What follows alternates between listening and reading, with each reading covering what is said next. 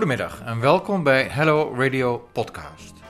Zonder muzikus Gertjan Blom hadden we misschien nooit het reizende theaterfestival De Parade gekend.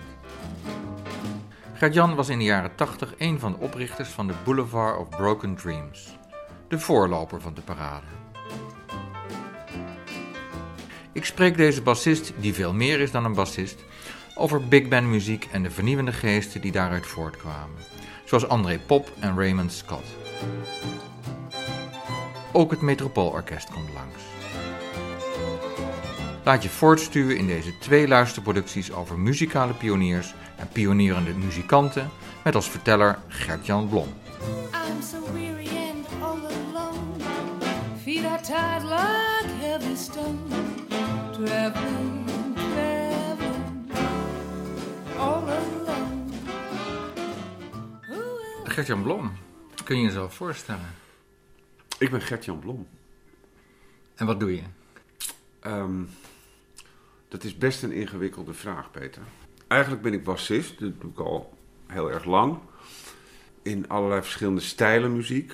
Op een gegeven moment in de jaren tachtig ben ik geïnteresseerd geraakt in ehm, wat je kunt noemen treurige liedjes. Dus liedjes die over mislukking gaan. En het werd een beetje een obsessie en er is uiteindelijk een orkest uit ontstaan wat alleen maar treurige liedjes speelde. En het orkest heette Boulevard of Broken Dreams in 1984. En daar is toen een festival omheen gedrapeerd met dezelfde naam. En dat was de enige plek waar je ons kon zien, horen. We traden alleen op op de Boulevard of Broken Dreams, nooit daarbuiten. Dus we bestonden maar drie maanden per jaar.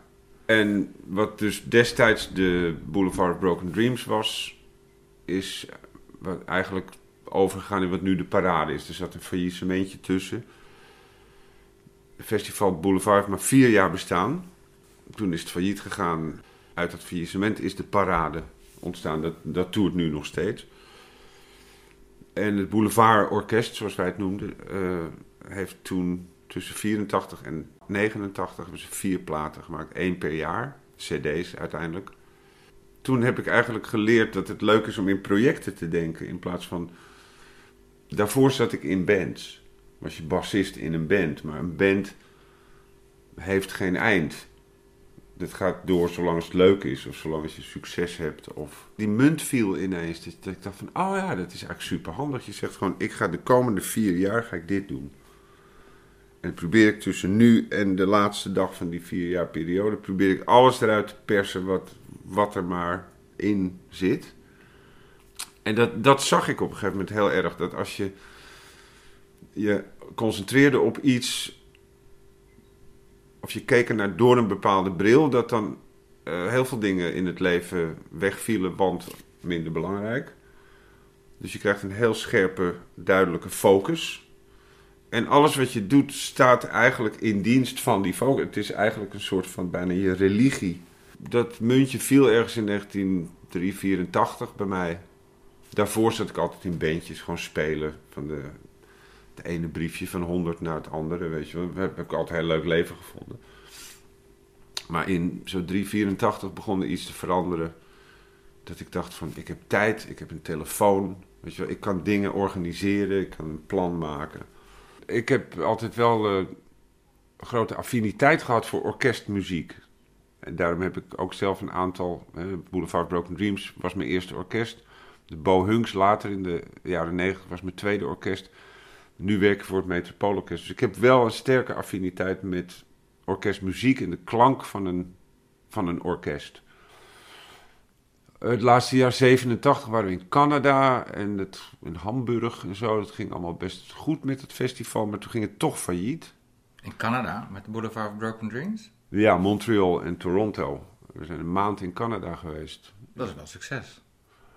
Dat dachten wij ook, maar het bleek, we werden uitgezonden door het ministerie van Buitenlandse Zaken, denk ik. Het was een soort uh, uitwisselingsprogramma. Dat was wel leuk maandje daar gespeeld met het dus Boulevard Broken Dreams Orkest en een ander bandje waar ik in zat, de Gangbusters. Ik was inmiddels geïnteresseerd geraakt in een componist die heet André Pop. P-O-P-P. En die man heeft van alles op zich geweten, maar hij heeft één geniale plaat gemaakt in 1956. En die plaat heet Delirium in Hi-Fi. Dat is een monoplaat. Zou je niet zeggen op de titel. Maar wat heeft die meneer gedaan? Die heeft toen de tijd, 1956, we hadden de één spoor bandrecorder. Geen, Mono. geen stereo, geen multitrack. Mono recorder. Hij heeft samen met een technicus, heeft hij, eh, ik geloof, zes of zeven mono machines doorgelust, aan elkaar verbonden. Wat heeft hij dus gedaan? Hij heeft eigenlijk de eerste meersporenmachine gebouwd.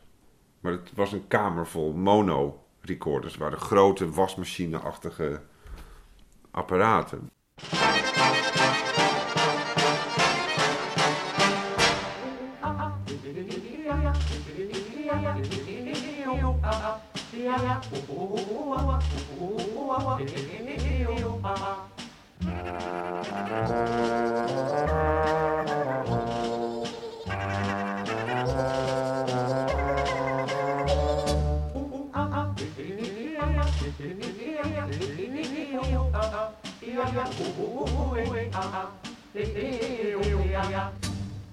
Bandrecorder 1 heeft een ingang, een line in en een line out.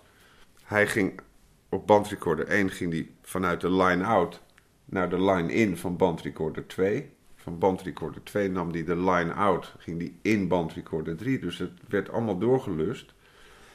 Zodat hij op elk van die bandrecorders kon die, ehm, hij kon ze waarschijnlijk ook gelijk instarten zodat hij dus gewoon synchroon sporen kon bouwen en heen en weer kon pingpongen, zoals ze dat noemen, sound on sound. Hè? En toen is hij dus arrangementen gaan maken op eigenlijk vrij bekende stukken, zoals bijvoorbeeld de Beer Barrel Polka of La Paloma. Het zijn allemaal van die grote, van die melodieën die iedereen kent. En dan liet hij dan een tuba, en die ging hij dan twee keer vertragen. Zodat je dus een nieuw geluid krijgt, want zo laag Zo'n laag geluid had men nog nooit gehoord in 1956 op een langspeelplaat. Of een ander grappig detail vond ik dat er staat vrij veel nogal virtuoos trompetwerk op die plaat. Maar er is geen trompetist in de studio geweest. Het is allemaal trombone. Halve snelheid opgenomen. En dan normale snelheid, dan klinkt hij een octaaf hoger.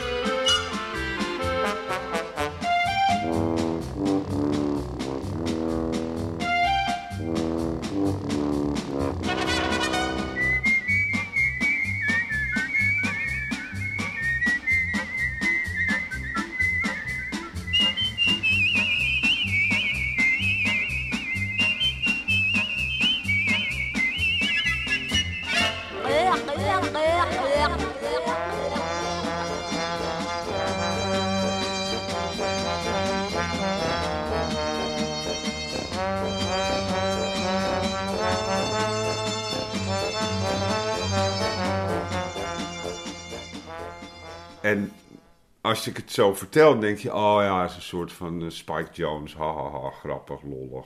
Of zo, melige muziek. Niets is minder waar. Het is het, het, het is, ik vind het nog steeds, ik bedoel, ik ken die plaat nu een jaartje veertig. Ik heb hem heruit laten geven bij Basta. Eh, het is werkelijk een monument, vind ik, in de opnamegeschiedenis. En ik draai hem nog steeds en ik hoor er nog steeds nieuwe dingen in. Het is echt. Het is eh, een hele LP. het is een LP. Hij duurt alles bij elkaar, geloof ik, 32 minuten of zo. André Pop had die plaat gemaakt, Delirium in Hi-Fi, als een parodie op een film. En die film, die kun je vinden op YouTube, best wel een aardige film, die heet Helza Poppin. En Helza Poppin is een zwart-wit film waarin alle toen der tijd mogelijke trucage werd toegepast.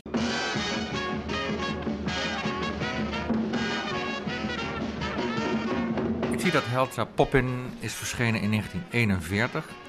Het is een verfilming van een eh, Broadway musical. een hele succesvolle. En het eerste filmpje wat ik op YouTube tegenkom toont uh, spectaculaire dansscènes. Allemaal zwarte dansers. In uh, oberkleding en uh, dienstmeisjeskleding. Werkelijk spectaculair en het lijkt zelfs een voorloper van, van de rock and roll. Um, dus ja, hou het even in de gaten, 1941. Het was een film die toen de wereld betoverde. Blijkbaar in de tijd wist iedereen wat, dat Helsa Pop in, die Amerikaanse film, daar moest je naartoe, want daar ging je dingen zien die ongelooflijk waren. En dus toen de plaat waar we het nu over hebben, Delirium in Hi-Fi, dat is de, de Engelse titel van die plaat. Want voor de Franse markt had André Pop het pseudoniem Elsa Popping aangenomen. En dus die plaat heette Elsa Popping et sa musique sidérante. En Elsa Popping is natuurlijk Elsa Poppin. Dus de, zoals de Fransman Elsa Poppin uitspreekt. Dus Pop heeft me dat later zelf verteld toen ik hem had gevonden en ontmoet. Dat dus wat hij bedoelde met die plaat, met Delirium in Hi-Fi, was om in audio een soort evenknie van die film te maken. Dus, dus zeg maar op zoek te gaan naar niet bestaande geluiden. Naar nieuwe klanken. Dus hij deed de raarste dingen. Hij begon een stuk. Je hebt wel zo'n infraroodlamp gezien, hè? Zo'n, zo'n, waar mensen dan vroeger achter gingen zitten, dat was toch goed voor je. Ah, oh ja, een, zo, een, uh, zo'n rode hoe lamp. Heette, dat heette dat? Een zonne... Ja, zonnelamp of infrarood. Nou ja. Ja. In ieder geval, hij had dus ontdekt dat als je zo'n infraroodlamp aanzet en je houdt hem voor een microfoon, dan krijg je een heel raar soort uh, ruis. Het wordt steeds harder. Ah. Een soort in- interactie tussen het membraan van de microfoon en het infrarood van die lamp. Nou, daar begint één Hoogtezon. nummer. Hoogtezon, precies. Daar begint een nummer mee dan. Met een...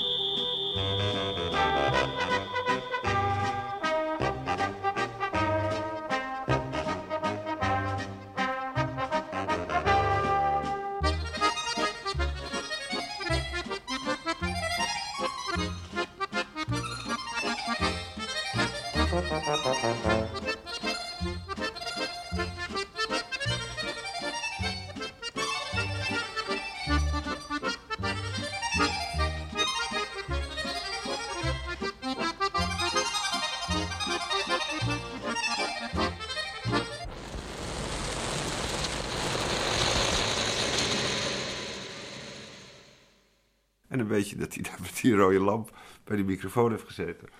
Dat vond ik leuk in die tijd. Ik denk van jeetje, dat is toch gaaf. Dat mensen die, die zeg maar, alles weten over componeren en muziek... En, en dat die juist nu heel erg op dat, op dat technische wat, aspect... wat was hij van beroep?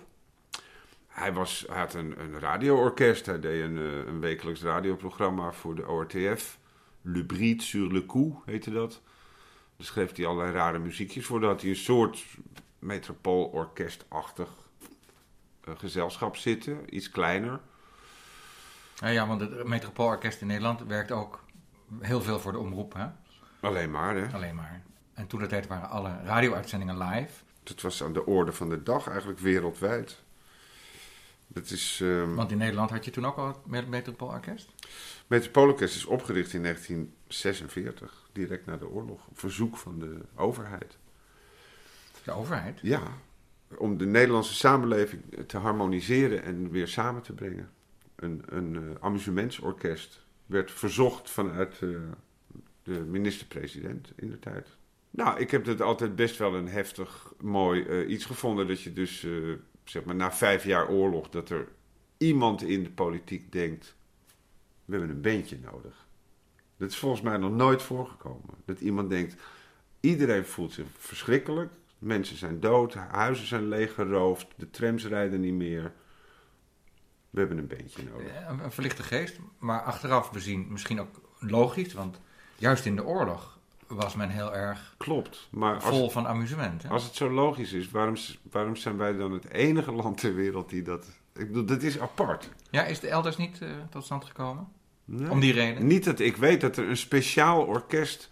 Dat, dat ze ene Dolf van der Linden een telegram stuurde van, eh, uit Den Haag. Van eh, richt een amusementsorkest op. De mensen hebben het nodig. Ik bedoel, Ja, prachtig. in mijn hoofd is dat een volkomen uniek moment in de tijd. Dat de politiek denkt van ja, een beentje. De mensen moeten dansen. Je wel? Er moet weer gezongen worden en zo. Dat, dat die spirit Ja, ja. terug moet.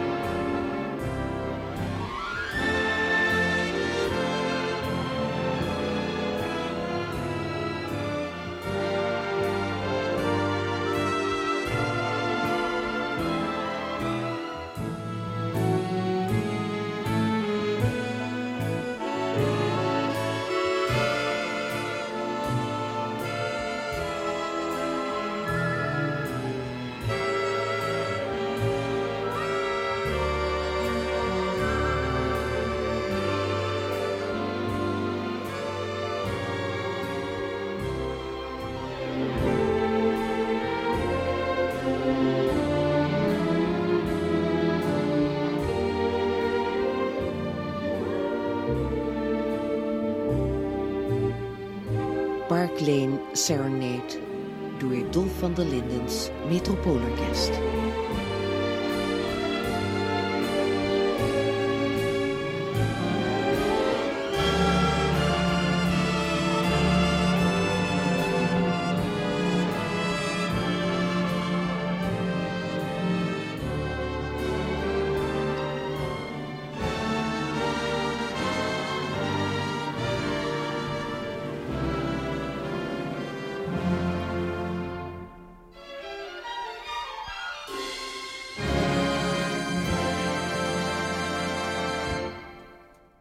Terug naar André eh, Pop.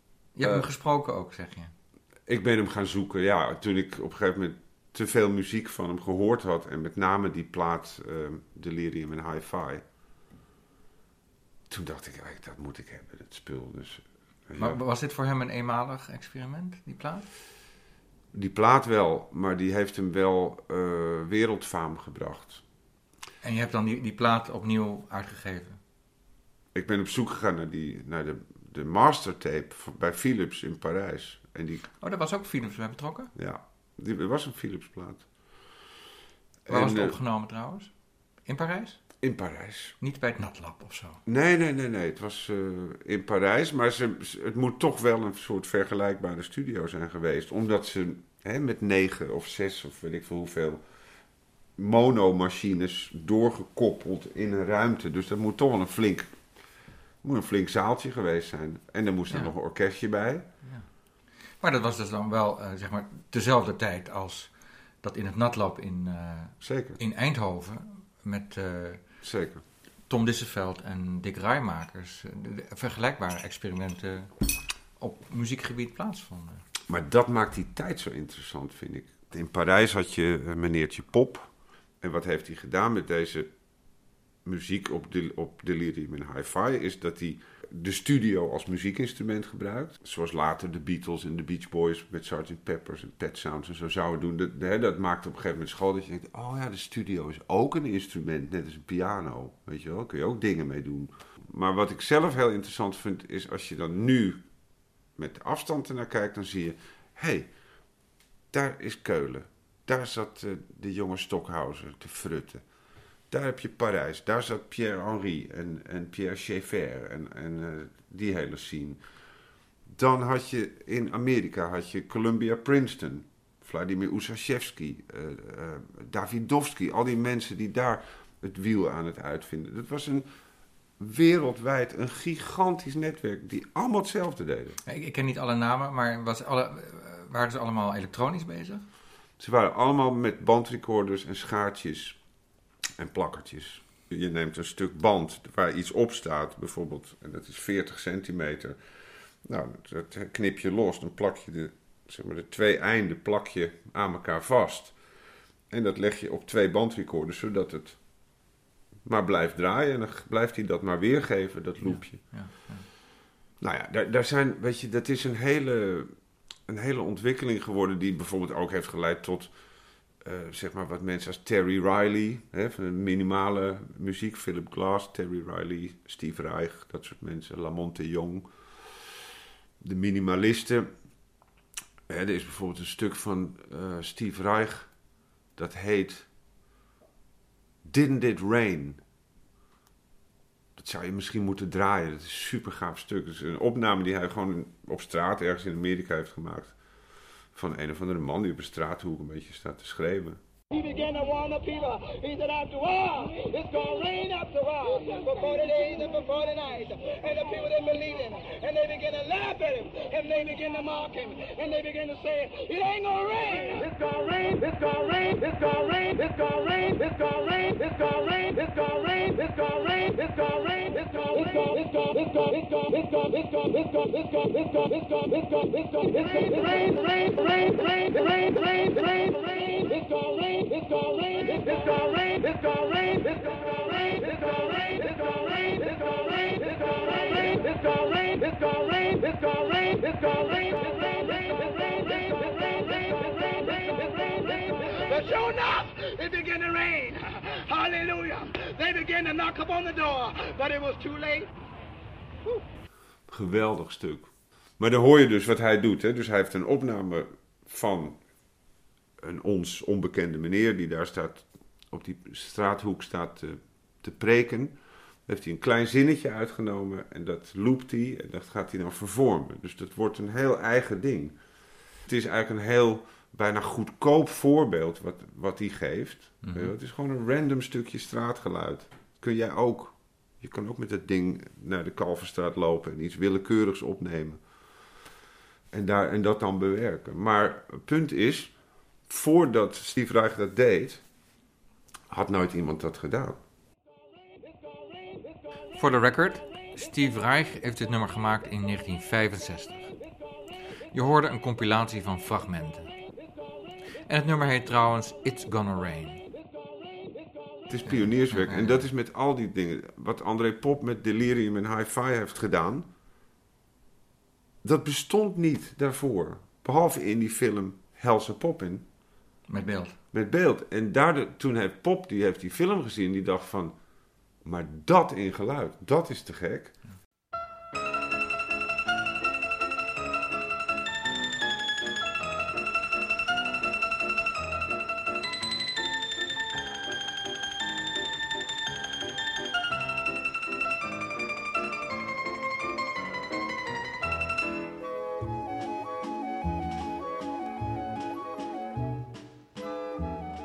Kwam zojuist al ter sprake. Gertjan Blom heeft de heruitgave van Pops revolutionaire album geïnitieerd. Hij wist daartoe een Nederlands label bereid te vinden. Toen ik Basta van het overtuigd van Delirium en Hi-Fi moet uit op CD, dat was toen niet. Toen zijn we op zoek gegaan naar de master. Die lag bij Philips in Parijs, de twee sporen stereo. Een mono, Mono. sorry.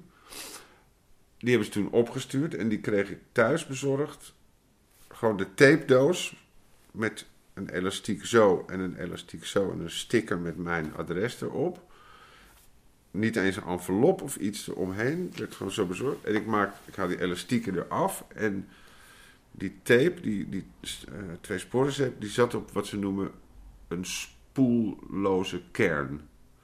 Dus normaal zit een bandje op een spoel. En dan zit er nog een soort iets ter bescherming over. En dit is alleen een kern. Dus die, die tape is gewoon. Niet, niet, niet beschermd. Nee. Dat die tegen- zo tegen- houdt. dan valt alles valt eraf en dan krijg je spaghetti. Ja, nou die spaghetti werd mij thuis bezorgd. Ik deed de doos open, het ding was helemaal van de kern. Er was één grote spaghetti van tape. Daar lag Delirium en Hi-Fi. Die heb ik toen met de hand, heb ik die zo terug op een spoel zitten wisselen. Heel voorzichtig. En toen ben ik ermee naar de studio gegaan om hem dus van tape naar digitaal over te zetten. En toen zagen we de tape overlijden tijdens de transfer. Dus je zag, de, de tape ging langs de weergavekop. Hij gaf weer. De output van de tape recorder ging naar de input van de DAT recorder. Dus het de weergave werd gered. En na de weergavekop viel de coating, je zag het gewoon vallen van de tape. Dus er lag alleen maar zwart poeder op de, op de bandrecorder. Dat was gewoon de laatste keer dat we die tape konden draaien. Heb Nou je ja, nog uit Parijs gebeld? ik heb een brief geschreven. Gezegd dat ik het onbegrijpelijk vond dat een plaat, die wat mij betreft een monument in de muziekgeschiedenis is, waar, iets waar ze trots op zouden moeten zijn, dat me dat zo thuis wordt bezorgd, zonder enige aandacht Door voor. stagiaire. Ja, nooit iets op terug hoort natuurlijk. Wij hebben die plaat toen geperst. Die heeft een tijd lang best goed verkocht. Delirium en Hi-Fi. Heel veel muzikanten vinden hem enorm leuk. Eh, het is goed dat die bestaat. En nu hebben we natuurlijk een digitale master. Namelijk de nieuwe master die toen gemaakt is. Dus daar kan je nu weer de komende decennia mee vooruit. En heb je de spaghetti nog teruggestuurd? Ik heb het een tijd bewaard. Ik heb de doos heb ik nog ergens beneden. Spaghetti heb ik uiteindelijk weggegooid omdat ik dacht van ja, het is blanke tape. Sta- wat moet ik ermee? Nou ja, normaal als je iets leent moet je het ook weer teruggeven. Eh, Maar ze waren niet geïnteresseerd dan? ik geloof niet dat, dat, dat daar een... Ze hadden helemaal gewoon geen belangstelling.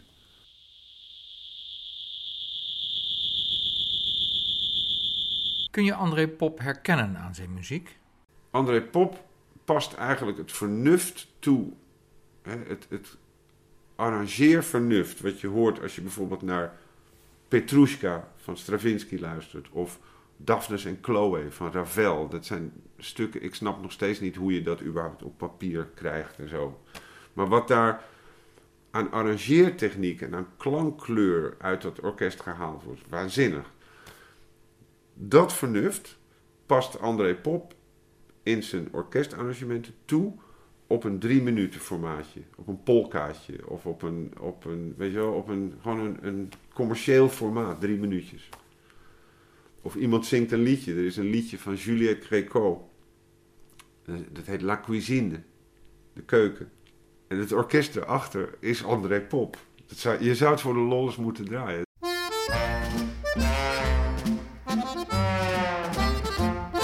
Les selles qui faisaient Florès en robe de Dior et sac d'Hermès, rangés dans le musée Grévin du ciné-club et de Sam Lévin, regrettent autant joli du poivre et sel et du bigoudi de ne pas avoir appris la cuisine qui retient les petits maris qui se débinent. Les selles qui font Florès en Vison Sport et Mercedes rejoindront au cinémathèque Musidora et le fils du chèque. Mais regretteront pardi, au temps du flashback en bigoudi, de ne pas avoir appris la cuisine qui retient les petits maris qui se débinent. Les celles qui font joujou en bas rouge vif et Scooby-Doo. À leur retour feront Flores en Cosmoscope ou Vadim Express. Puis viendra le temps mignon du poivre et sel et du mironton. Celles-là auront appris la cuisine qui retient les petits maris qui se débinent. Mais celle qui faisait Flores en robe de Dior et sac d'Hermès, et qui depuis font gémir le corset de fer sous le poule en cachemire, plutôt que de faire des pâtés sur leur carte d'identité, pour retenir l'amant joli qui se débine, vont apprendre dès aujourd'hui la cuisine.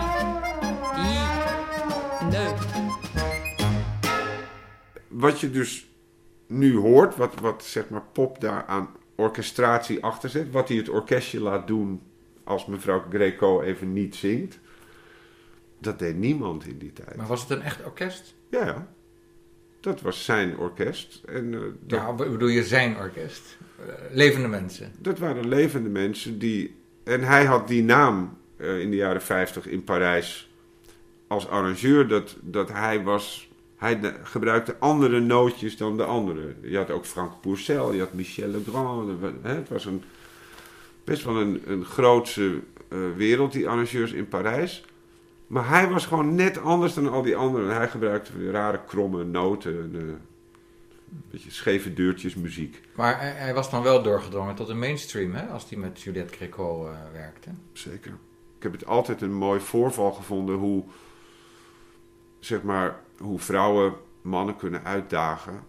Dat was dat André Pop schreef dus nou, al die rare muziekjes, waaronder muziek voor Delirium in Hi-Fi.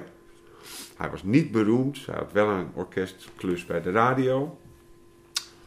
Toen was, ik geloof, een tijdgenoot van hem, het zou Frank Pourcel of Paul Moria geweest kunnen zijn, ik weet niet meer precies wie.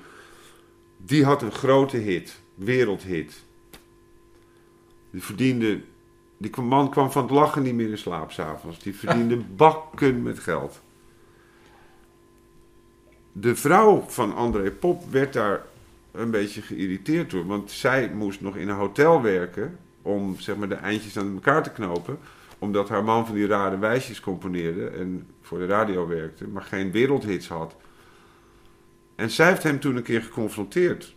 En dit heb ik haar uit haar eigen mond, dit verhaal.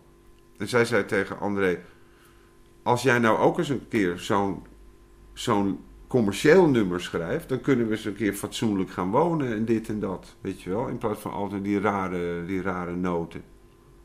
Dat kun je zeker niet, had ze tegen hem gezegd. Ja, dat was dus de kamer uit, deur dicht, weet je wel. En hij uh, in vijf minuten Love is Blue geschreven.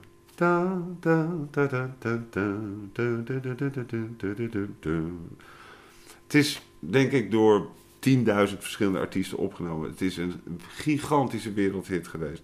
Hij had het geschreven. Hij roept haar terug binnen. Hij zegt: Oh, bedoel je dit? Zoiets? Ja, zegt ze. Ja, ja, dat, is goed. Hij zegt: Mooi. Pakt het stuk papier van de lesenaar, verkeukelt het en gooit het in de prullenbak. En gaat weer door met zijn rare notenmuziek. Dus wat hem betreft was het verhaal daar klaar. Hij wou alleen aan zijn vrouw laten zien dat ze ongelijk had, dat hij best in staat was tot commerciële derry, maar dat hij de voorkeur gaf aan die artifarty noten. Zij echter dacht s'avonds bij het legen van de prullenbak, dat stukje papier bewaar ik even. En heeft het de volgende dag naar zijn uitgever gebracht. Die heeft het onmiddellijk uitgegeven en toen werd het een gigantische hit. En uiteindelijk lag ik in het zwembad wat hij daarvan betaald heeft. In Zuid-Frankrijk bij hem, in, uh.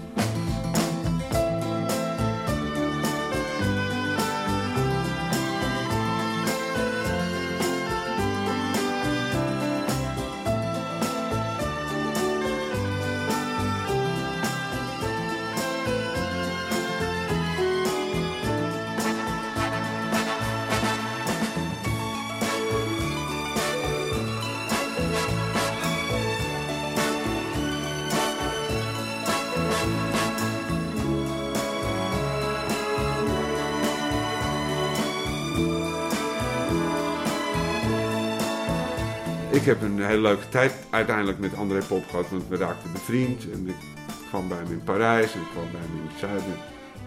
En ehm, ik heb toen uiteindelijk voor de Boulevard Broken Dreams in 1987 hebben we een programma gemaakt naast het Boulevard Orkest, wat alleen maar treurige liedjes speelde. Hebben we een, programma, ik vier avonden gedaan, dat heette La Musique qui fait pop. Had ik gewoon zijn radioorkest nagebouwd. En eh, bij hem dus in Parijs al die stukken opgehaald. En gefotocopieerd en eh, ingestudeerd. En tijdens het concert dirigeerde hij was erbij. Met zijn vrouw. En dan dirigeerde hij steeds het laatste stuk van de voorstelling.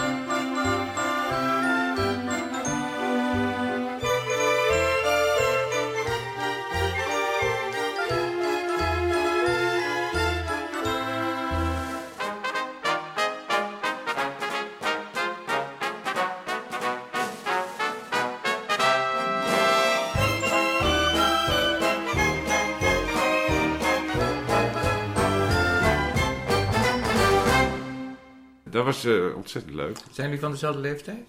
Nee, hij is veel eh, ouder. Denk, ja, hij is denk ik wel twintig jaar. Hij leeft niet meer hoor.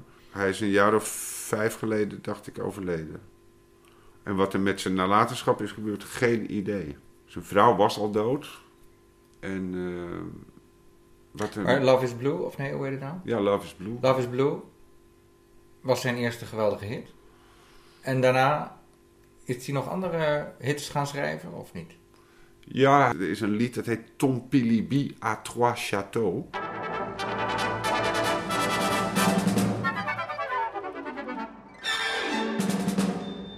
Tom Pilibi a deux châteaux, le premier en Écosse. Tom Pilibi a deux châteaux, l'autre au Monténégro. Il a aussi de grands vaisseaux qui vont au bout du monde chercher des ors et des coraux et les plus beaux joyaux.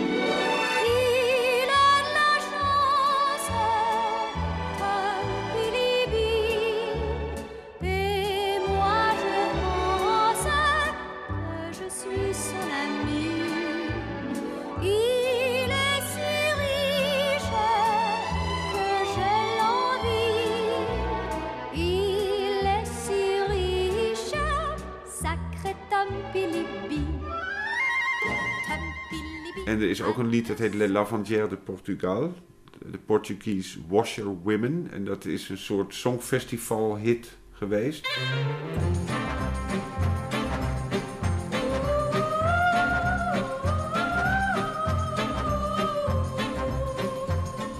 Connaissez-vous des lavandières comme on en voit au Portugal Surtout celle de la rivière, de la ville de Setúbal. Ça n'est vraiment pas des lavoirs où elles lavent mais des volières. Il faut les entendre et les voir rythmer leur chant de leur battoir. Tant qu'il y aura du linge à laver, on boira de la manzanilla. Tant qu'il y aura du linge à laver, des hommes on pourra se passer.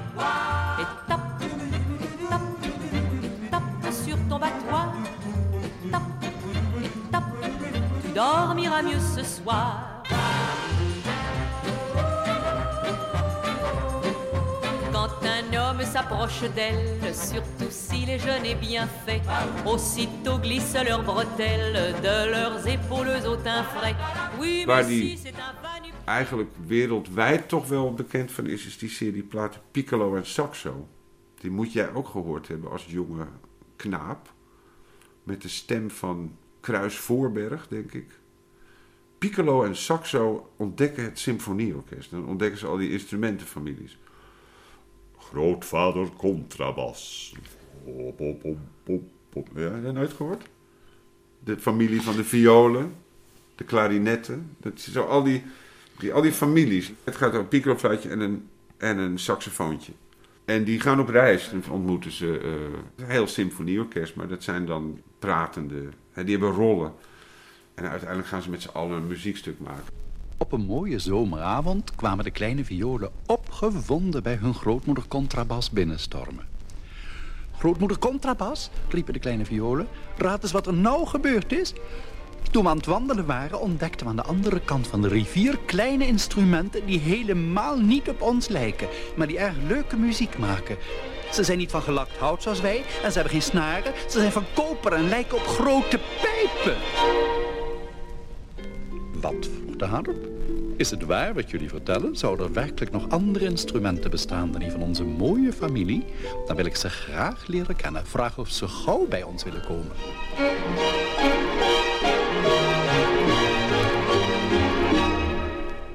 En de kleine violen gingen dolblij de uitnodiging overbrengen aan de vreemdelingen die donderdagochtends in volle glorie aankwamen.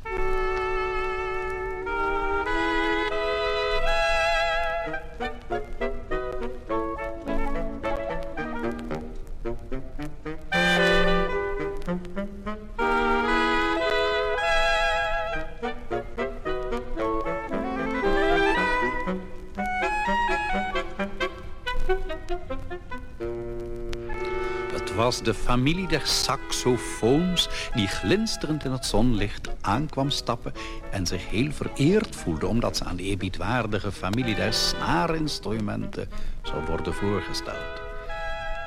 Wat zagen ze er vreemd uit? De kleine violen hadden gelijk. Ze leken werkelijk een beetje op grote pijpen. De familie saxofoon bleef voor het huis van de familie der snaarinstrumenten staan... en grootvader saxofoon stelde iedereen voor. Ik ben grootvader bariton, ik ben de grootste onder de saxofoons... en ik heb de zwaarste stem.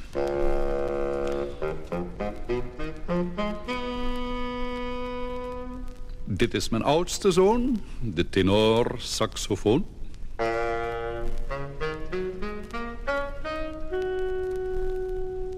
Mijn jongste zoon, de alt-saxofoon met zijn warme, vibrerende stem.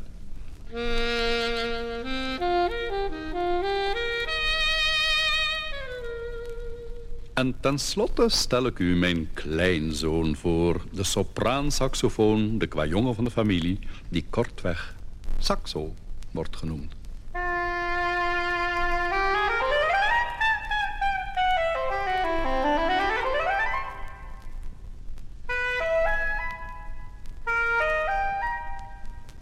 Wat ziet hij er leuk uit, zei de violen. Hij lijkt niet op een pijp, maar veel meer op een grote wortel. Je moet om hem lachen, antwoordde de Sally.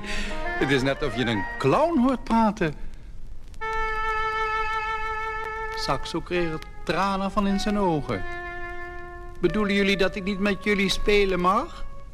Nee hoor, riepen de violen. Helemaal niet. We vinden je juist erg aardig. We beloven dat we nooit zullen spelen zonder jou. Saxo was daar zo gelukkig om dat hij uitbarstte in een schaterlach. Andere episode is dat ze op wereldreis gaan. En dan gaan ze naar Trinidad en dan horen ze de steel drum. En dan gaan ze naar Rusland en dan gaan ze balalaika's hebben. En zo leer je. Dus het is educatief. Het bestaat al sinds de midden jaren 50. Het is denk ik in alle talen van de wereld vertaald. De muziek is van pop. De vertelling is door iemand anders geschreven. Jean Broussol, geloof ik. Dat wordt dan steeds nagesynchroniseerd. Dus in het Nederlands hadden wij, eh, ik heb die plaatjes wel, was het aanvankelijk de stem van Kruis Voorberg. Dat was iemand, ik weet niet wie dat. En later de acteur Co van Dijk, die heeft ze ook wel ingesproken. Het werd vaak gebruikt op scholen en zo, om, om kinderen gewoon een soort besef van de, de, de muziekwereld te geven, de orkestwereld. Ja, En hij heeft samengewerkt met Juliette Cricot. Was dat eenmalig? Hij heeft volgens mij met bijna alle Franse vedettes gewerkt. En ik geloof zelfs dat ik opnames van hem heb met Brel. Dites, dites, si c'était vrai, s'il était né vraiment à Bethléem dans une étable, dites, si c'était vrai, si les rois mages étaient vraiment venus de loin, de fort loin, pour lui porter l'or, la myrrhe, l'encens, dites, si c'était vrai. Si c'était vrai tout ce qu'ils ont écrit, Luc, Matthieu et les deux autres, dites, si c'était vrai. Si c'était vrai, le coup des noces de Cana et le coup de Lazare, dites, si c'était vrai. Hij heeft zelfs een LP gemaakt met Brigitte Bardot. Daar was hij heel erg trots op. Op het hoogtepunt van haar roem. Toen ze zeg maar met Godard en zo die films maakte. Toen had hij er gewoon een paar dagen in de studio. Moest ze gewoon zingen. Dat moet gezellig geweest zijn. Je kunt je daar iets bij voorstellen. Je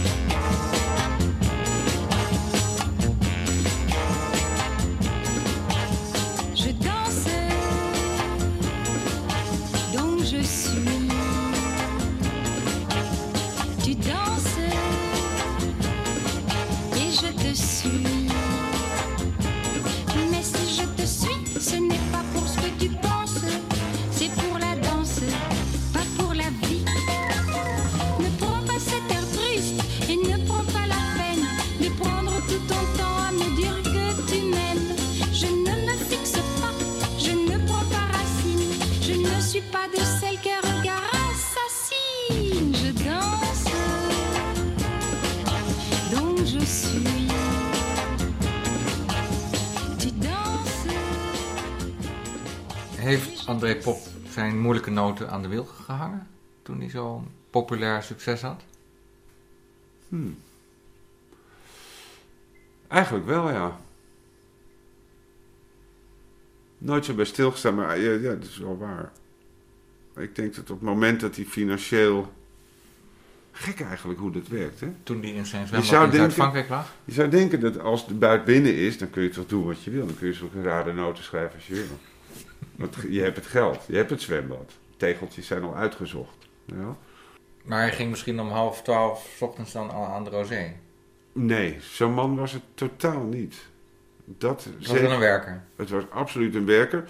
Hij is ook tot op hoge leeftijd bezig geweest met platen maken. Alleen, ik vond het alleen maar minder worden, omdat het gewoon minder bijzonder werd. Dus hij heeft op een gegeven moment nog een plaat gemaakt met een Hawaïaanse ukulele virtuoos, bijvoorbeeld.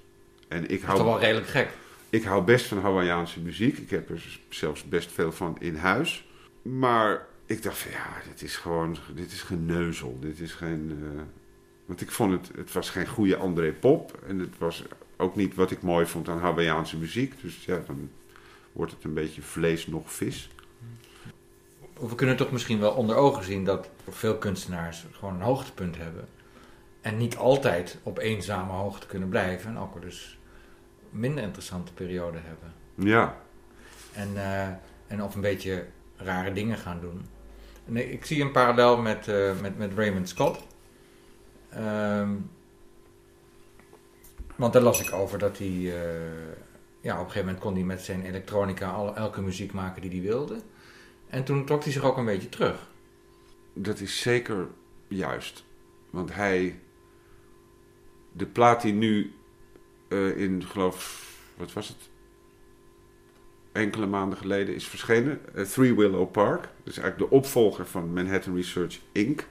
Zeg maar 80% van die plaat hoor je dat hij dat hij echt een heel commerciële toepassing had van zijn elektronica. Dus hij wilde geen, niet zo Stockhouse en zo, eh, kunstmuziek maken. Maar hij wilde met diezelfde geluiden, wilde hij jou als radioluisteraar bij je oorlelletje pakken en zeggen... Luister eens even, dit is, dit is belangrijk, deze reclame. En dat hoor je dus heel veel op die, op die Manhattan Research. En op Three Willow Park, die dus recentelijk verschenen is, hebben we juist heel erg willen inzoomen op het mad professor aspect.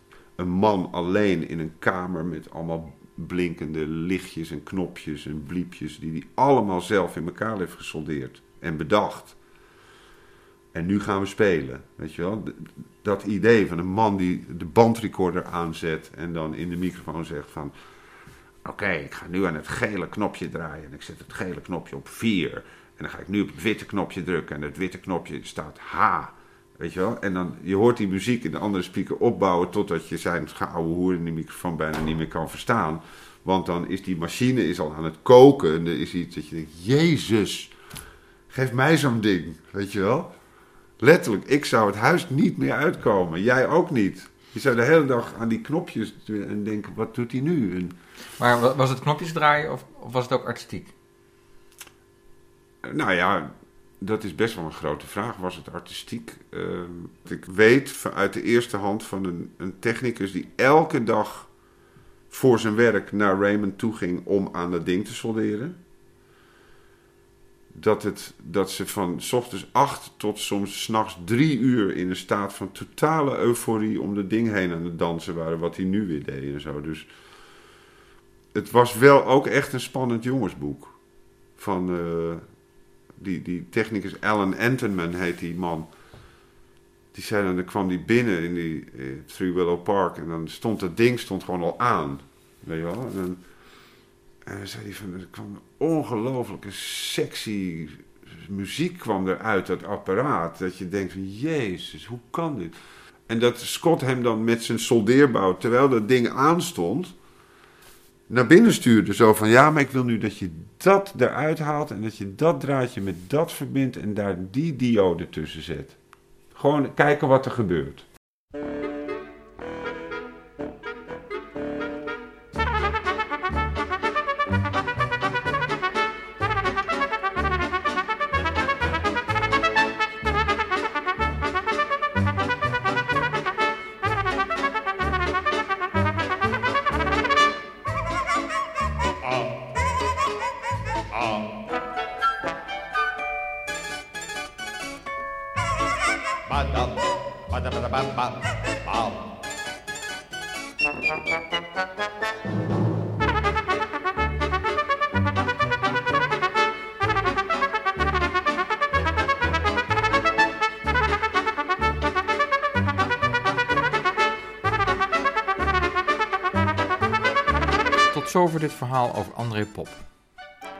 Als ik het zo hoor, was deze Fransman een uitvinder van het dubben. Verschillende stemmen op elkaar leggen. Ook ontdekte hij het creëren van een wall of sound, zoals Phil Spector dat later ook deed. En dat in een tijd dat er alleen nog eensporrecorders waren. Ook kon Pop instrumenten tegendraads, grappig of cynisch laten klinken. Dat doet me dan weer denken aan Frank Zappa. De een inspireert de ander. Dat is vooruitgang. In de volgende aflevering van deze serie hoor je Gert-Jan Blom over Raymond Scott, wiens naam al een paar keer viel. En later komt ook Frank Zappa aan bod. Ik sluit af met Perle de Cristal van André Pop. Dank voor het luisteren. Klik voor meer informatie naar luisterdoc.nl of helloradio.eu.